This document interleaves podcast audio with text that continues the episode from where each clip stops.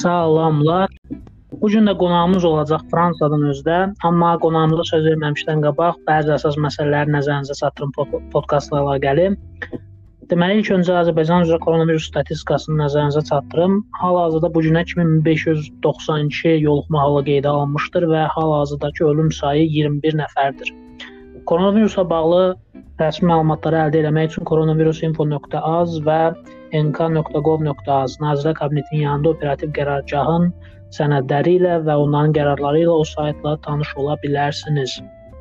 Hal-hazırda Stay Home podkastını dinləmək üçün isə Spotify, Google Podcast, Breaker, Overcast, FM, SoundCloud, Yandex Music, Radio Public platformalardan istifadə edə bilərsiniz. Platformalarımızın sayı artdıqca biz sizə Instagram storylər üzərindən və elə Anchor FM saytının üzərindən də məlumatı verəcəyik. Bundan başqa keçəcək məsələlərdən birinə Stay Home podkastı koronavirus karantinasında başımıza gələn hadisələr və söhbətlər söhbətlərlə dinləyicilərimizi əyləndirmək və onlara əlavə informasiya, əlavə düşünmək üçün ə, fikirlər vermə fikirlər verməyə əsaslandırır və bunun adı ilə sözümü yekunlaşdırmaq istəyirəm.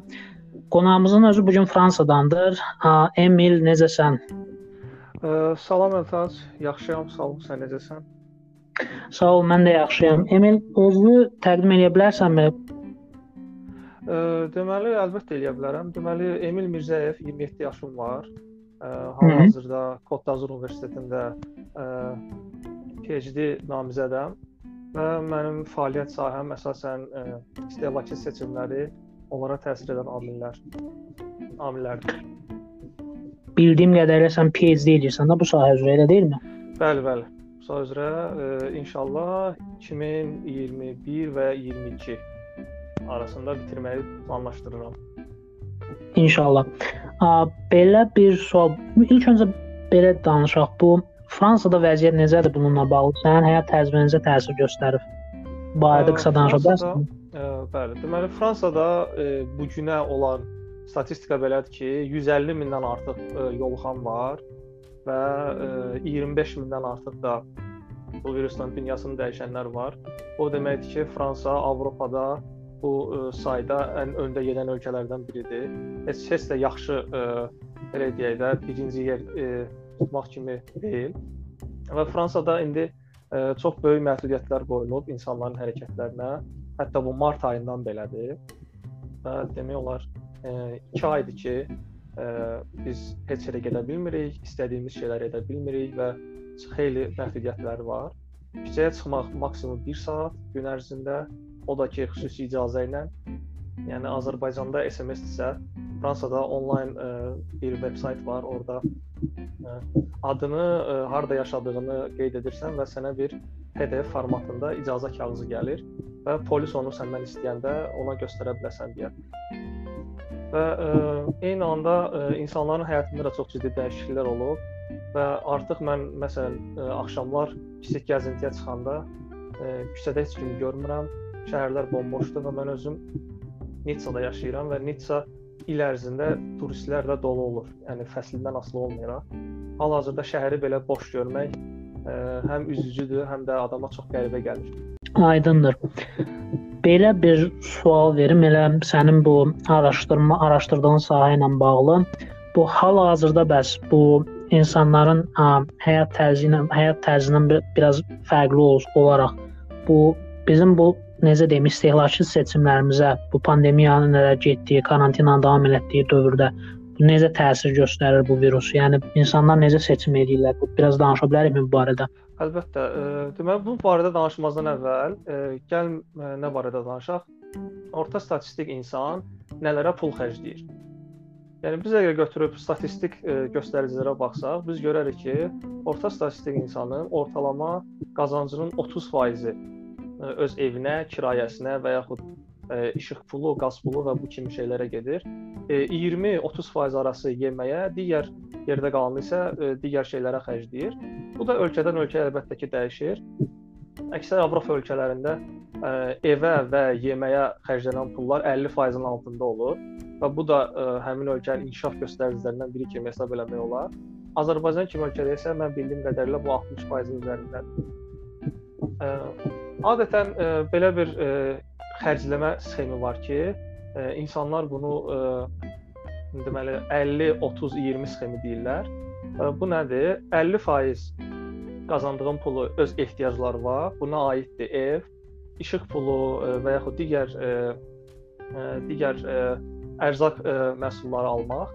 Yerdə qalan 30%-i istəklər və buna aiddir istirahət, idman, digər hobbilər, restoranlar, ə, kino teatr və s. Yerdə qalan 20%-ni isə ə, el dili ilə desə yastığın altına qoymağa. Amma pandemiya dövründə əlbəttə ki, ə, insanların hərəkəti məhdudlaşdırıldığı üçün və insanlar günün əksəriyyətini belə deyək, Fransada günün 23 saatını evdə oturduqları üçün bu göstəricilər əlbəttə ki, dəyişir və insanların ə, xərcləri bəzi yerlərdə bəzi göstəricilərə görə artır, bəzi göstəricilərə görə əl, əlbəttə ki, azalır. Məsələn, artıq insanlar ə, restoranlara getmir. Ə, gəzmək xərcləri insanların yoxdur. Əvəzinə isə insanların digər ə, ərzaq xərcləri həddən artıq artır. Çünki insanlar ə, belə deyək, panika şəraitində ə, özlərinə lazım olandan artıq ərzaq almağa ə, başlayırlar və yaxud ə, digər səbəblərdən ötürü daha çox məsələn alkoqola Fransada mən bunu müşahidə etmişəm ki, insanlar daha çox alkoqol alır və adətən marketlərdə ən tez boşalan rəflər alkoqol və şərab satılan rəflər olur. Digər e, göstəricilərə gəldikdə isə e, bəzi ölkələrdə və bəzi belə deyək, ev sahibləri e, öz e, kirayədarlarından pul istəmirlər. Bəzilərində isə müəyyən güzəştlər edirlər. Bəzi ölkələrdə isə ümumiyyətlə dövlət bu xərclərin bir hissəsini qarşılamağa meyllik göstərir. Ən çox da ə, ziyan çəkən insanlar ə, əlbəttə ki, freelance işləyən insanlardır və yaxud ə, biznesləri bağlanan insanlardır. Bunlara çörəkçilər ə, və yaxud bərbərlər və bunun kimi xırda biznes sahibləri aiddir. Və onların da ə, aydın məsələdir ki, gəlir mənbələri olmadığı üçün məcburdurlar ki, öz xərclərini minimuma endirsinlər.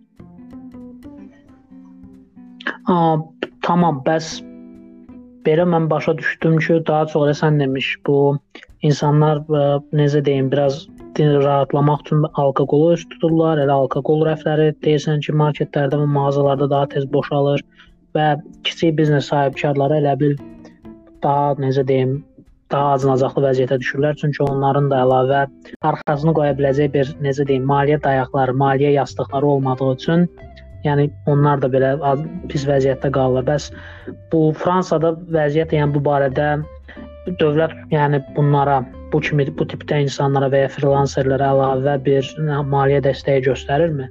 Belə deyək də stimul verirmi? Prezident Makron çıxışında bildirib ki, belə bir dəstək planlanır və mütləq olacaq. Bunu karantin ə, başlamazdan öncə dəfələrlə bildirmişdi. Və ə, iki dəfə çıxışı olub, ə, bildiyim qədərilə xalqa müraciət eləyib və müraciətlərin hər ikisində də bu insanlara dəstək olacağını bildirib.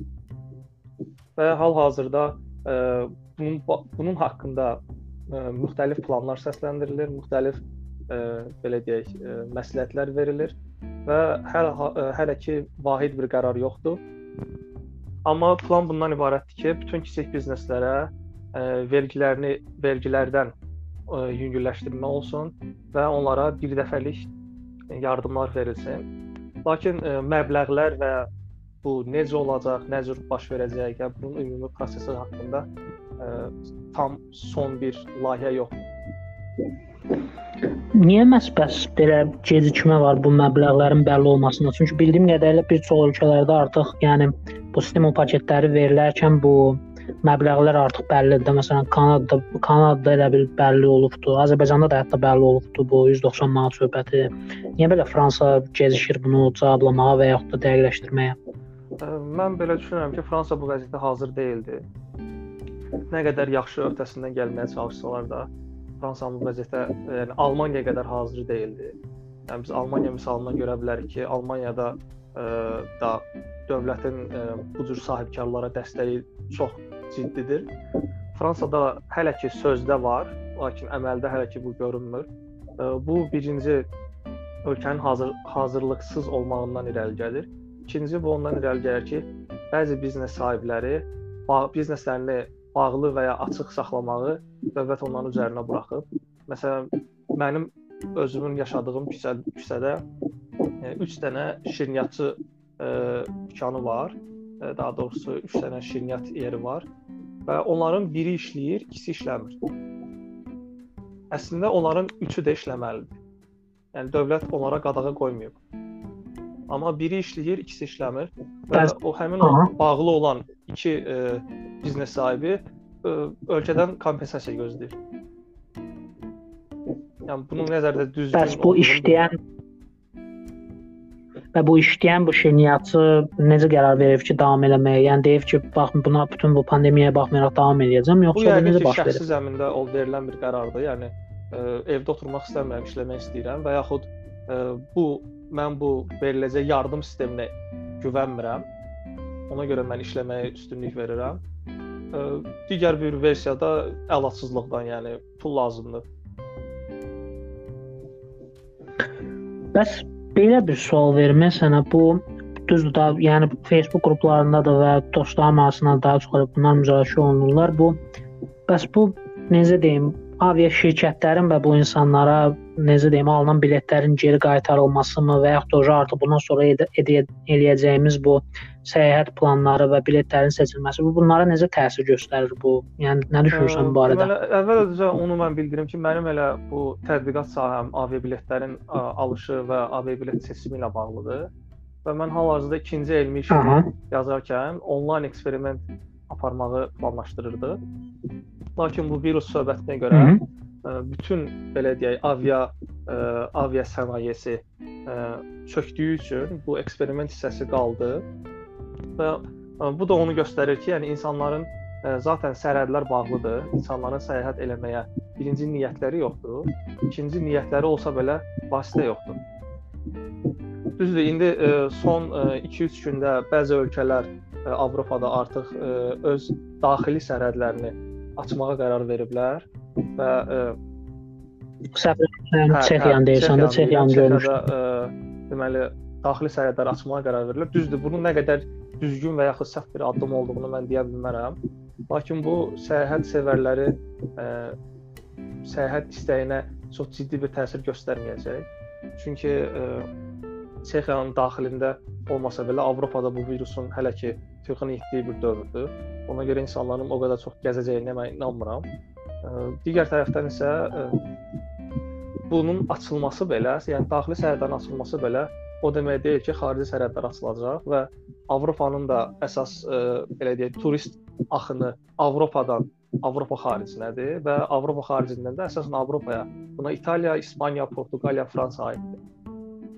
Yəni daxili sərhədlər açılsa belə, xarici sərhədlər açılmadığı üçün insanlar xaricə gedə bilməyəcək və xaricdə olan turistlər də Avropaya gələ bilməyəcəklər. Bu da ən azı sentyabr ayına kimi davam etməyini mən gözləyirəm ki, yəni bu xarici sərhədlərin bağlı olmasını. Bu nə dərəcədə yaxşıdır, pisdir, biz bunu hələ e, görəcəyik qabaqda. Amma e, görünən odur ki, insanlar səyahət etmirlər, səyahət etmək istəmirlər. Yeganə insanların səyahət e, sahəsində aktivləşdiyi belə deyək, səyahət növü kruiz e, gəmi ilə uzun müddətli səyahətlərdir. Yəni məsələn buna aiddir Almaniyadan e, Atlantik okeanından Kubaya və yaxud Aralıq dənizindən Kuba marşrutları və yaxud Almaniyadan Aralıq dənizi marşrutları. Bunlar artıq e, e, kruiz e, bunlar artıq 2021-ci il üçün artıq bookinqlər başlayıb. Yəni növbəti il üçün artıq bookinqlər başlayıb. Bu o deməkdir ki, e, məhz bu sənaye o dərəcədə də ziyan çəkməyib insanların istəyi baxımından. Maraqlıdır. Bəs bu mən belə başa düşdüyüm qədərilə deyirsən ki, əgər bu kruiz um, səyahətləri səngimək bilmirlərsə və 2021-ci il üçün sifarişlər varsa və bildiyim qədərilə də elə də ucuz bir um, necə deyim, əyləncə və istirahət növü deyil də bu kruiz səyahətləri də. Bu necə belə yəni Səncə bunun arxasında səbəb nə ola bilər ki, kruiz səyahətləri bu yəni bu qədər bu virusdan yəni əziyyət çəkmirlər, yəni çəkməyəcəklər də. Biri odur ki, kruiz səyahətləri e, təyyarə səyahətlərindən fərqli olaraq onların e, booking dövrü aylar öncədən açılır və aylar öncədən də bağlanır. Yəni bu deməkdir ki, mən məsələn mən əgər bu günləri Nitsadan Bakıya getmək istəyirəmsə, ə, mən adətən bileti mənim səyahətimə 2 həftə qalmış alıram. 2 həftə 1 ay arası daha doğrusu. Yəni burada çünki qeyri-müəyyənliklər ə, mənə bir növ ə, mane olur ki, mən bileti daha uzun məsələn 3 ay daha öncə və yaxud 4 ay daha öncə alım və əksər ə, aviakompaniyalarda biletləri 90 gün öncədən satışa çıxarırlar. Ona görə də yəni sən istəsən belə ə, bileti aylar öncədən ala bilmirsən. Amma kruiz belə deyil. Kruizdə insanlar bileti 9 ay, 10 ay, hətta 1 il öncədən ala bilirlər və ə, kruizin də marşrutları müxtəlif olduğu üçün və həm də kruiz səyahətinin özü də, yəni təyyarə səyahəti 2 saat, 3 saat, yəni ortalama 5 saat çəkirsə, kruiz səyahətləri məsələn 1 ay, 15 gün, 30 gün, 20 gün, yəni bu dərəcədə uzun səyahətlər olduğu üçün onlara həmişə tələbat olur və burada həm də marşrutlardan da asılıdır. Bəzi marşrutlar var ki, onlara tələbat indi də indi yoxdur. Bəzi marşrutlar var ki, onlara tələbat ə, həmişə var və ona görə də o marşrutlar artıq indidən overbook olunub. Amma bunu da qeyd etmək istəyirəm ki, 2021-ci il, il üçün book olunanlar ə, bu 2021 üçündür. Yəni 2020-də yay ərzində yəni yenə də heç bir səyahət planlaşdırılmır, çünki aydın məsələdir ki, sərhədlər bağlıdır. Aydındır. Bəs belə bir belə bir yəni yöndən yanaşaq bu post virus dövrünə baxaq və deyək ki, bu bu halda, yəni post virus dövründə bizim bu deyək bu bilet almağımız və səyahət etməyimiz və yaxud da necə deyim, istehlak əsas ümumi ümumi bucaqdan yanaşsaq da, yəni istehlak seçimlərimiz səncə necə dəyişəcək? Yəni əsaslı dəyişikliklər necə olacaq? Bu barədə danışa bilərikmi biraz da? Danışa bilərik. Məncə əsaslı dəyişikliklər e, nələr olacaq? E, insanların səyahət eləmə arzusu e, getdikcə əvvəlki vəziyyətinə qayıdacaq. Lakin bu o demək deyil ki, insanlar əvvəlki tək imkanları olacaq səyahət eləməyə. Çünki birinci e, post-virus dövründə iqtisadi böhran başlayacaq və artıq başlayıb. Yəni kiçik bizneslər, orta bizneslər artıq bundan olduqca ə, əziyyət çəkirlər və ə, bunlara həm də avia ə, sənaye də aiddir. Əksər ə, aviakompaniyalar artıq demək olar bankrot olmaq ərəfəsindədir və hökumətdən yardım paketləri gözləyirlər. Və hətta lap virusa qarşı dərman tapılsa və virus təhlükəsi belə deyək, minimuma endirilsə belə yeni qaydalar tətbiq oluna bilər e, səyahət zamanı və həmin yeni qaydaların tətbiq olunması aviakompaniyalara da olduqca böyük baş ağrısı olacaq. Nəticə olaraq da biletlərin mayə dəyəri qalxar və biletlərin ümumi qiymətləri qalxacaq. Bu səyahət etmək istəyən insanlara e, daha çox e, biletin qiymətinə ə, daha həssas olmağa gətirib çıxardacaq. Yəni əvvəl insanlar biletin qiyməti ilə səyahət müddətinin hər ikisini nəzərə alıb bilet alırdılarsa, indi artıq qiymətə daha çox ağırlıq verəcəklər öz seçimlərində. Bu mən mən belə düşünürəm. Çünki adətən insanlar bilet alanda necə düşünür? Deyir ki, 100 avroya bilet var, 2 saat uçuram. Əvəzinə 200 avroya bilet var və mən 1 saat uçuram. İndi mən bu ikisindən birini seçməliyəm və mən ə, əgər daha rahat uçmaq istəyirəmsə, əlbəttə ki, 200 olanı alıram. Lakin mən daha büdcəli uçmaq istəyirəmsə, 100 avroya olanı alıram. Lakin post-virus dövründə artıq mənim üçün komfort o dərəcədə önəm daşımayacaq. Çünki biletlərin qiyməti həddən artıq qalxdığı üçün mənim bütün e, marağımı və mənim bütün e, belə deyək, daxili istəyim yönələcək ki, mən biletə verdiyim pulu minimallaşdırım. Və mən ona görə də 10 haldan 9-unda 100 avroya olan biletə üstünlük verəcəm. Aydındır. Maraqlı bir elə yanaşma idi və yan-yana müqayisə idi. Belə bir ə, belə bir də sual verim. Bu elə axırıncı suallardan olsun. Bu mən özüm də səni onsuz da Instagramdan da izləyirəm və kifayət qədər də artıq əlaqəmiz var. Belə orada gördüm ki, sənin bu yemək bişirmə qabiliyyətlərin də deyəsən artıbdı və hətta deyim ki, başqa bir vərdişlərə də yiyələnmisən. Bu barədə də danışa bilərdinmi? Yəni maraqlananlar üçün bu necə Əlbəttə, bir təsir göstərdi yəni, sənə? Evdə oturduğum sürəcə Mən ə, e, əlbəttə ki, boş durmaq kimi mənim belə bir e, heç vaxt istəyim və arzum olmayıb və həmişə mən həmişə nəsə etməyə, nəsə öyrənməyə can atmışam. Və əslində bu karantində mənim evdə oturmağım həm işimi evdən görməyimə, həm də ki, yola və yaxud gedib gəlməyə sərf elədiyim e, və digər ə, belə deyək, ə, etdiyim işlərə sərf etdiyim vaxtın hamısını evdə olduğuma görə mən onları yaxşı bölüşdürməyi öyrəndim və ə, ən böyük mənim zaten zövqüm pandemiyadan əvvəl də yemək bişirmək idi. Mən adətən 6 bazar günləri 6-cı bazar günlərini yemək eksperimentlərinə ayırırdım. Lakin indi mən bu eksperimentləri hər gün edə bilirəm. Çünki onsuz da evdəyəm. Yəni gedəsi bir yerim yoxdur. Digər tərəfdən isə yeni şeylər öyrənməyə, yeni biliklər qazanmağa da çalışıram və ən vacib belə deyək, seçimimdə dəyişikliklərdən biri də intensiv idman eləməyim oldu.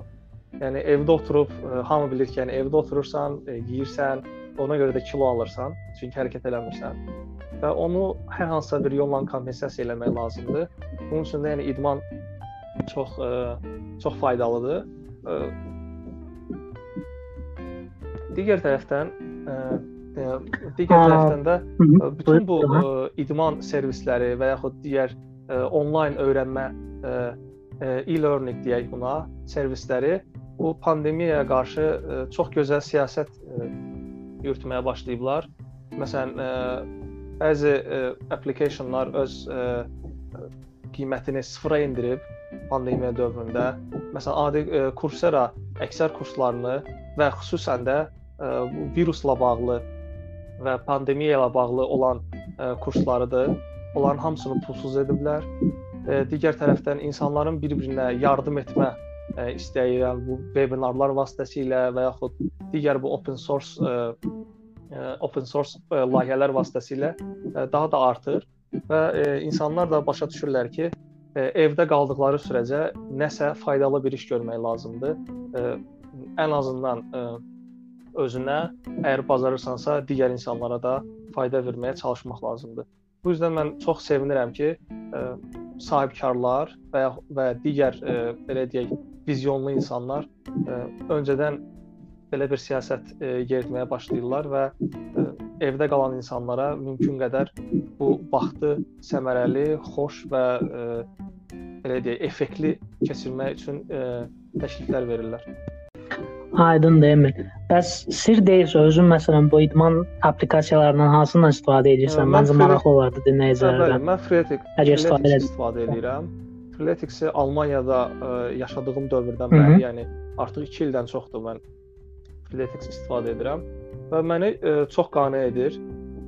Ə, düzdür, ə, bu ə, bu ilk abonementim yəni yayda bitir yayın sonu bitir və mən yeni bir application test eləməyə niyyətindəyəm. Lakin bu ona görə deyil ki, mən Fletcherdən narazıyam. Sadəcə mən yeni nəsə yoxlamaq istəyirəm özüm üçün. Hə. Və ə, bunun üçün də yəni heç bir sizə alət lazım deyil. Evdə sadəcə ə, belə deyək, döşəmənin üstündə özünüz elə öz alətiniz olacaqsınız və ə, oradakı məşqlərə əgər siz ə, riayət eləsəz, ə, belə deyək, karantindən sonra sizin kilo almağınız minimuma enəcək. Aydındır. Mən də mən Freeletics özüm hələ denəməmişəm, amma danışdığından və dediyindən belə başa düşdüm ki, həqiqətən də effektiv bir applikasiyaya oxşuyur. Bundan bu bütün bu məsləhətlərin üçün və bizimlə bu gün vaxtını bölüşdüyün üçün təşəkkür edirəm Emil. Belə bir sual verim sənə. Sual deməyək, dinləyicilərimiz üçün sənin işlərini və yaxud da səninlə əlaqə qurmaq istəyənlər səni harda tapa bilərlər sosial mediada? Bu barədə deyə bilərdinmi? İstəyənlər mən əsasən Facebookda da aktivəm. Digər texniki yerlərdə isə GitHub GitHubda mən da aktivəm. Facebookda məni Emil Azeri adı ilə axtarıb tapa bilərlər. Düzdür, mən adımı Almaniyada iş axtaran zaman öz Facebookda adımı rus şriftlərinə keçirtdim və ondan sonra da elə də qaldı və onu indi mən dəyişmək istəmirəm. Mən onu ona görə eləmişdim ki, iş axtaranda adətən Almaniyada eşitmişdim ki, HR-lardan HR-lar girib həmin insanın Facebook profilinə baxırlar, o insanın nə cür fikirli olduğunu tapmaq istəyirlər və mən də öz adımı rus rus versiyasına keçirtdim ki, ə, alman HR-lar mənim adımı tapa bilməsinlər Facebookda. Düzdür, ondan sonra elə də qaldı. Amma yəni siz məni rahat tapa bilərsiniz. Ə, kitabda da ə, Emil Emil Mirzayev, yəni ə, çox ə, rahat tapıla bilən bir username-dir və mən mümkün qədər ə, çalışıram ki, bu ə, belə deyək də bu karantin dövründə cəmiyyətə mümkün qədər daha çox xeyir verə bilən layihələrdə iştirak edim. Hal-hazırda ə, Azərbaycan Python user qrupunda mən aktiv iştirakçıyam, aktiv üzvlərdən biriyəm və ə, yeni bir webinar planlayırıq. Hal-hazırda yaxınlarda bunun da anonsunu verəcəyik və kim maraqlanırsa bu sahə ilə ə, Azərbaycan Python Azərbaycan Python User Group adlı Facebookda qrup var.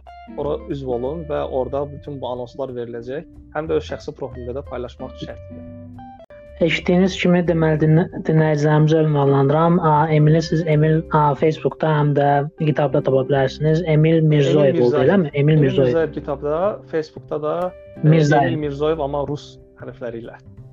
Deməli, bugünkü qonağımız Emil oldu, Emil Mirzayev. və Hə, Emilə, Emilə mən burdan öz təşəkkürlərimi bildirmək istəyirəm Fransaya. Çox sağ ol Emil vaxtını bizimlə bölüşdüyün üçün və həqiqətən də maraqlı bir gəlir epizod alındı və kifayət qədər də vacib məsələlərə toxunduq. Dediyim kimi Emili izləmək istəyənlər sosial mediada, kitabda və Facebookda onu izləyə bilərsiniz qeyd edildiyi handlelarla. Bundan başqa bugünkü epizodun da sonuna çatdıq beləcə.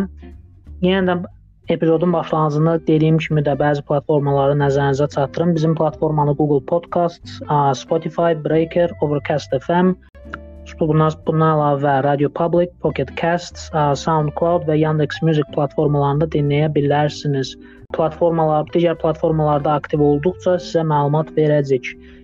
Bugünkü də epizodun da beləcə sonuna yaxınlaşdı. Mən Eltaz Rüstəm. Yenə də sizə minnətdarlıq etmək istəyirəm ki, epizodumuza qulaq, qulaq asdınız və ümidvaram ki, epizodda səsləndirilən bütün məlumatlar sizin üçün faydalı oldu. İnşallah gələn növbəti epizodlarda görüşənə qədər özünüzə yaxşı baxın. Çalışın ki, koronavirusa tutulmayasınız. Sağ olun. Sağ olun.